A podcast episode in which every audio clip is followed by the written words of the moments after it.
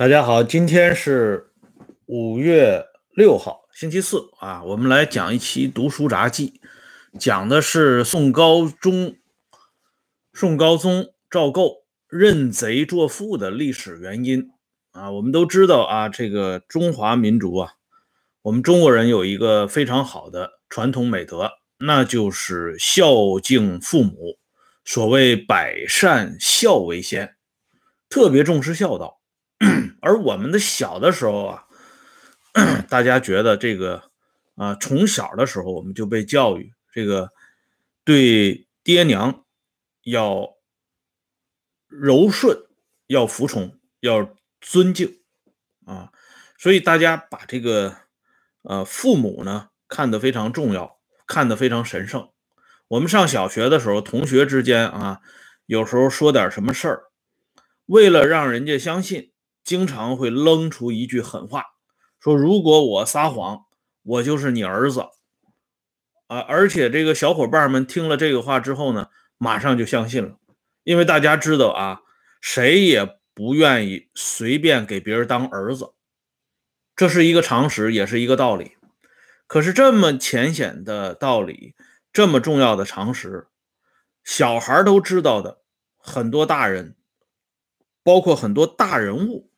却不这么理解，哎，我们都知道啊，这个杭州岳王庙，这个岳王爷坟前跪了四个人，就是秦桧夫妇加上这个张俊呢，还有一个啊审查岳飞的坏蛋，反正这四个人常年就跪在那里，大家对他们在历史上迫害忠臣良将岳飞的故事。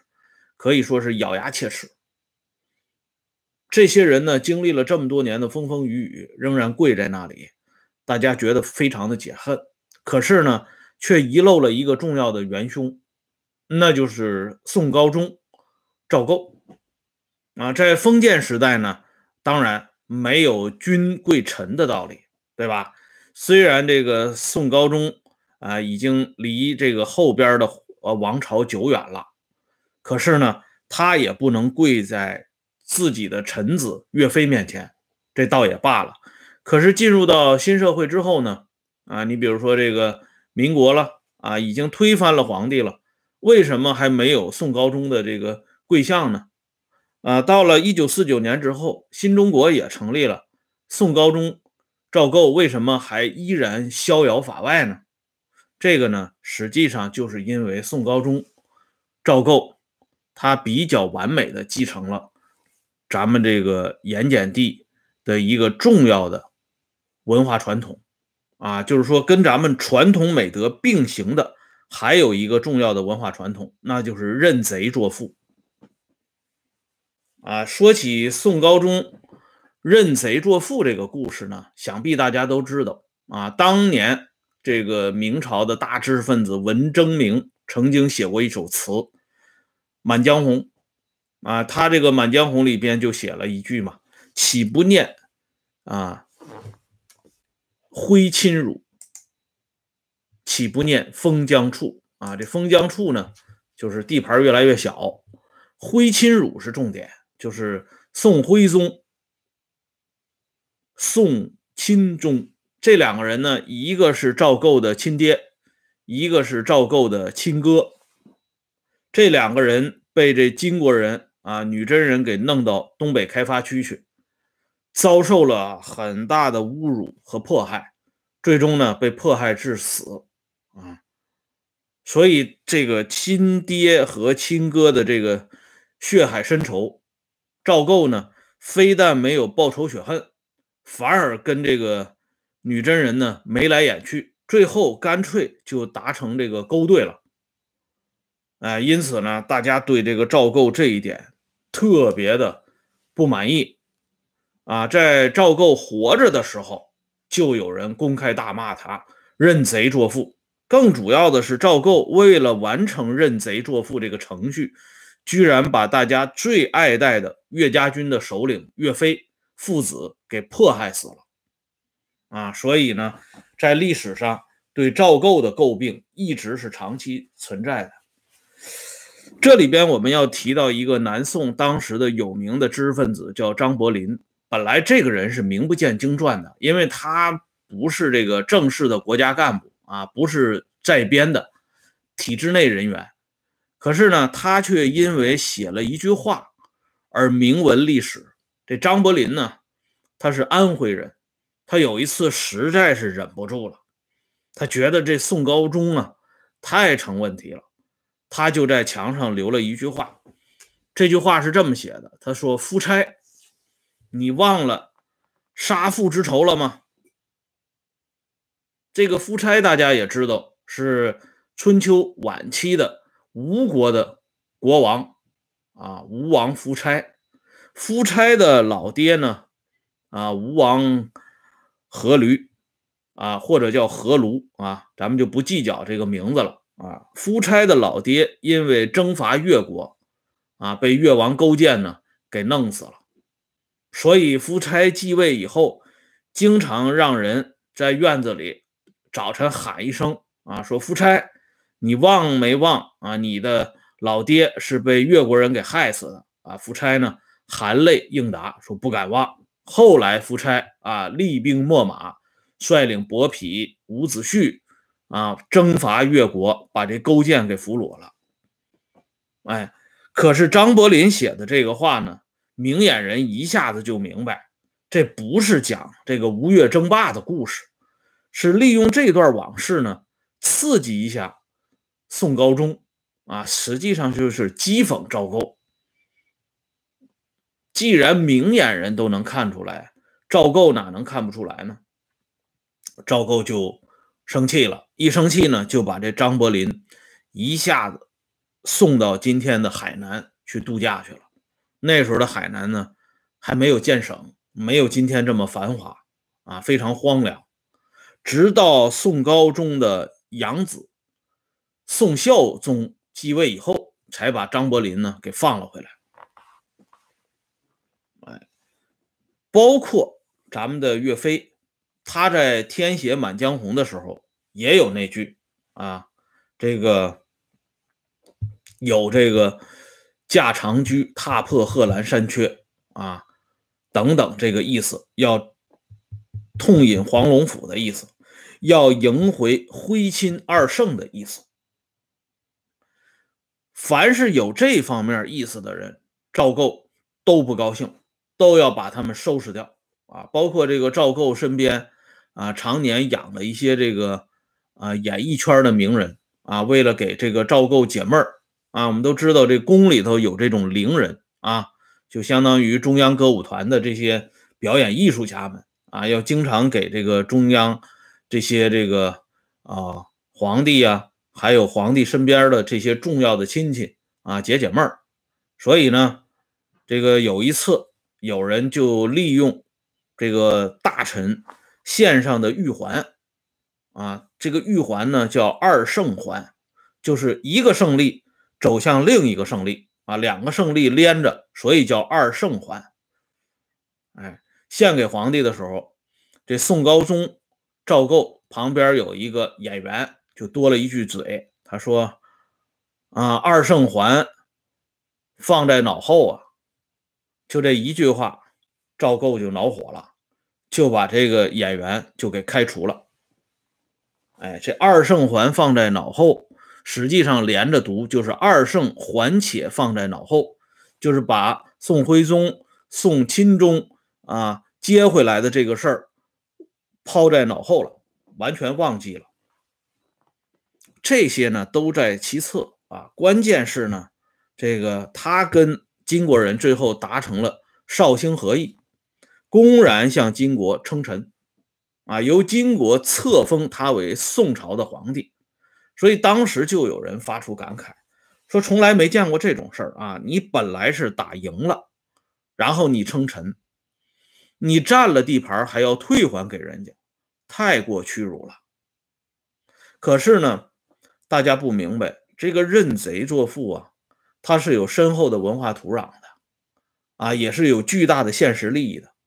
就赵构自己来讲，他其实非但不痛恨这个女真人，反而他要感谢女真人。为什么呢？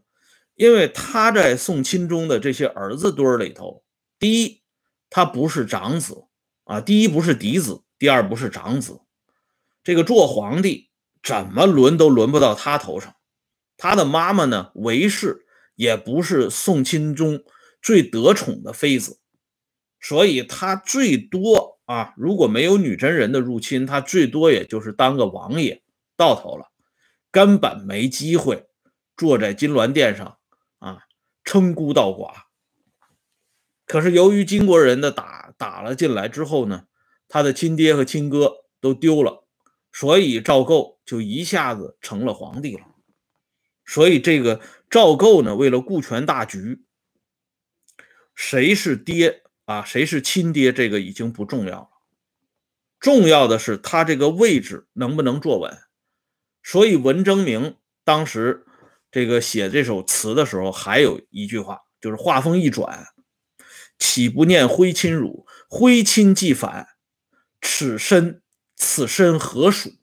啊！如果宋徽宗、宋钦宗被岳飞他们给接回来了，那赵构往哪儿摆呢？这确实有一个问题，而且后来的历史呢也证实了这一点啊。我们都知道赵构呢非常孝顺，孝顺他妈妈。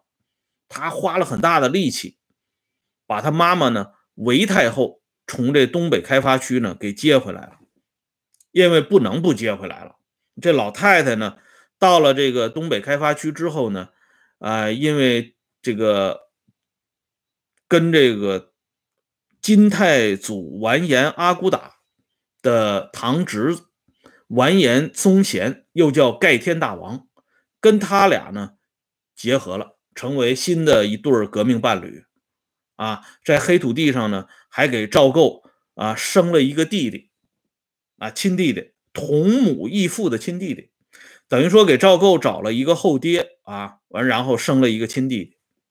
如果这么发展下去，这个后果不堪设想。你想啊，啊，老太太到了金国的时候正当盛年，三十五周岁啊，啊，这个年龄，啊，即使是在古代。也不能算是老迈年高，哎，生了一个弟弟，如果再待下去，再生几个弟弟，最后呢，这些弟弟都到杭州去认干亲去，赵构他受不了啊，他好说不好听啊，所以必须把亲妈接回来啊。这个亲妈接回来也是绍兴和议的一个重要理由，让太后回来嘛。所以这赵构就说：“我以孝治天下，以孝顺。”治天下，所以我先要把亲妈接回来。这老太太接回来之前啊，宋钦宗跟老太太之间、跟韦太后之间有一次对话。他说：“你回去啊，务必跟我弟弟说一句，一定把我也接回去。我回到杭州之后，我什么都不干啊，我就当一个出家人，提举太乙宫使主矣。啊，这个宋朝两宋啊。”有一个官职，就是这个闲差啊，提举道观，就是主持道教工作。这个宋钦宗的意思就是说，我绝不会去干扰我弟弟的大局，我就当一个富贵闲人就够了。韦太后呢，也发了一个誓，她说：“你放心，我回去之后，我一定把你也弄回去。如果我不把你弄回去，啊，我这眼睛。”就都瞎了，啊！发了一个毒誓，这宋钦宗一听，相信了。回到杭州之后，这个事儿呢，一会儿我们再说啊。还有一点呢，就是我们都知道，跟岳飞经常作战的那个人叫金乌珠，就是阿骨达的儿子完颜宗弼。金乌珠死之前，给金朝的皇帝留下了一个遗嘱。就说有朝一日啊，这宋朝他要是背弃盟约的话，咱们有办法治他，就把赵构的亲哥哥赵桓、宋钦宗送到开封，立他做皇帝，这样呢，宋朝就不敢跟我们开打了。哎，这这这个都姓赵嘛，这没法打呀。而且人家赵桓是正根儿啊，赵构是旁支儿啊。所以从这两件事情上，我们可以看到，这宋钦宗回到杭州之后，确实有麻烦。哎，历史上这明朝历史上就有夺门之变。哎，哥哥把弟弟的皇位夺了，弟弟把哥哥的皇位也夺了。哎，所以宋钦宗如果真的回到杭州之后，赵构真的是有天大的麻烦啊。他如果指使别人去杀害自己的哥哥，那就是圣德之累啊。如果他不搞掉他哥哥，他哥哥在那儿，那是太麻烦了啊。所以后来韦太后回到杭州之后，没法接这宋钦宗了。结果呢，就发生了一件非常神奇的事情，太后的眼睛真的就瞎了啊！这是由于这老年白内障啊，这瞎了。这时候呢，就请高手给他医治啊，真有一个高人通过针灸把老太太的这个一只眼睛给治好了，能够重新看见东西了。这个时候呢，大家就鼓励啊。您老人家再接再厉，把太后的那一只眼睛也治好吧，啊，这样你就功德无量了。可是这个道士呢，来了一句话，他说：“治好一只就可以了，治好一只眼睛就能够看到很多东西，留下那只眼睛瞎了，正好呢，啊，可以回应当年您老人家跟这个宋钦宗皇帝发的这个毒誓，这不是两全其美吗？”这段呢，当然是野史啊。不过这段野史呢，也反映出宋钦宗不能回到杭州的一个根本原因，也反映出赵构为啥要认贼作父的根本原因。所以，我们说啊，从古至今呢，这个下层的人和上层的人，他之间呢，确实是存在着巨大的鸿沟。鲁迅先生生前写过文章，叫《隔膜》，确实是有这个问题。你像我们当年小的时候，觉得这爹不能乱认，但是在赵构这些大人物看来，爹是谁不重要，位位置更重要。哎，所以岳飞为什么死了啊？岳飞要从头收拾旧山河，要朝天阙，这个不行啊。你收拾旧山河之后，朝谁的天阙呢？对吧？哎，张伯霖啊，计较夫差，忘了杀父之仇。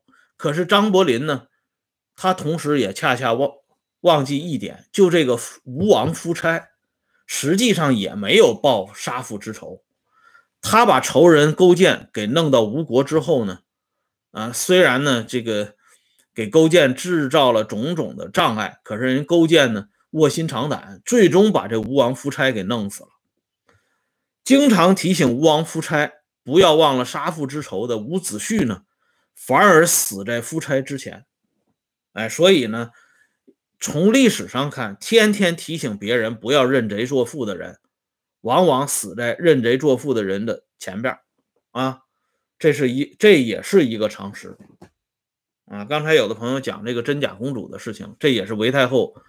啊，南归之后发生的事情，柔服帝姬，道理很简单，因为这个柔服帝姬呢，和这个韦太后曾经同时嫁给完颜宗贤，哎，这俩人呢一起伺候这个阿骨达的堂侄，所以这个韦太后为了杀人灭口，自然要搞掉这个柔服帝姬。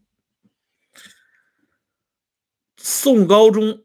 啊，退位之后呢，是宋孝宗继位。啊，宋孝宗呢要北伐，要雪耻，但是打败了。这样呢，金世宗和宋孝宗之间又搞了一个龙兴合议。这龙兴合议呢，就把金宋两国呢关系给调整了一下。原来是主子和奴才的关系，这回呢给改成了叔侄之间的关系。金国呢是叔叔。宋朝呢是侄子，这个改动呢其实也是非常合理的，就是从辈分来讲是合理的。为什么这么说呢？就是我们刚才说了，韦太后是嫁给了完颜宗贤，完颜宗贤论论辈分是完颜阿骨达的侄子，完颜宗贤跟韦太后生了个儿子，是赵构的亲弟弟。那么，按这个论的话，完颜宗显等于说是赵构的后爹，完颜阿骨达呢，相当于赵构的后爷爷。哎，赵构呢，跟这个完颜阿骨达是祖孙的关系。那金世宗完颜雍呢，跟完颜阿骨达人家也是爷爷和孙子的关系。所以金世宗和宋高宗他俩是平辈儿的。那宋孝宗呢，的侄子啊，就是养子。那他比这个金世宗当然就矮一辈了。人家金世宗完颜雍当叔叔，宋孝宗当侄子，这一点都不过分啊。所以说，在古代啊，人家还是很讲理的。虽然认贼作父。但是他有亲戚的关系，可是后来发展呢，他慢慢就没有这个亲戚关系了啊！你比如说咱们的郭老郭沫若，管这个斯大林呢叫亲爷爷，这个从这个啊政治这个角度论辈分是对的啊，因为伟大领袖是他亲爹啊，斯大林当然是他亲爷爷，但是从这个血缘上真的就没啥关系了啊。那后边呢，咱们的这个吴法宪吴司令呢？又认这个林副统帅为这个爹啊，他不说吗？这个认主席啊当父亲这不行，差着辈儿呢，所以呢，只能把林总和罗总长、罗总长当成爹，哎，所以这这个认这个林彪当爹啊，但是呢也没啥血缘关系。更主要的是林彪后来呢从林副统帅变成了林贼，所以吴法宪就不折不扣的认贼作父。哎，从这些例子里边，我们就可以看到，这个认贼作父啊，可以说是盐碱地这个文明当中的啊文化传统当中的一个重要的硬核啊。利益在哪边，哪边就是爹啊。至于这个亲爹到底是谁啊，用咱们小平同志的那句话来解读，就非常准确了：宜出不宜细。不过呢，后来啊，我出国之后呢，我才发现，其实这种现象不独是咱们中国有的，国外也有啊。在国外这个大学里边呢，很多这个学生啊，由于这个经济上的原因，这个学费啊很昂贵，他不能独立完成，他也认一些干爹啊，由这个干爹呢资助他，帮他完成。所以这么一看呢。我们就想到这个天安门前的那个标语了，“世界人民大团结万岁”，啊，我们就觉得这个标语真的很有前瞻性，全球一盘棋了，啊，到处都是爹。好了，今天的话题呢，咱们就说到这里啊，感谢朋友们上来收看，一会儿如果有时间，咱们再讲一些这这个党史杂谈啊，欢迎大家关注温相说时政会员频道。啊，每天都有更新，周一到周五每天都有更新。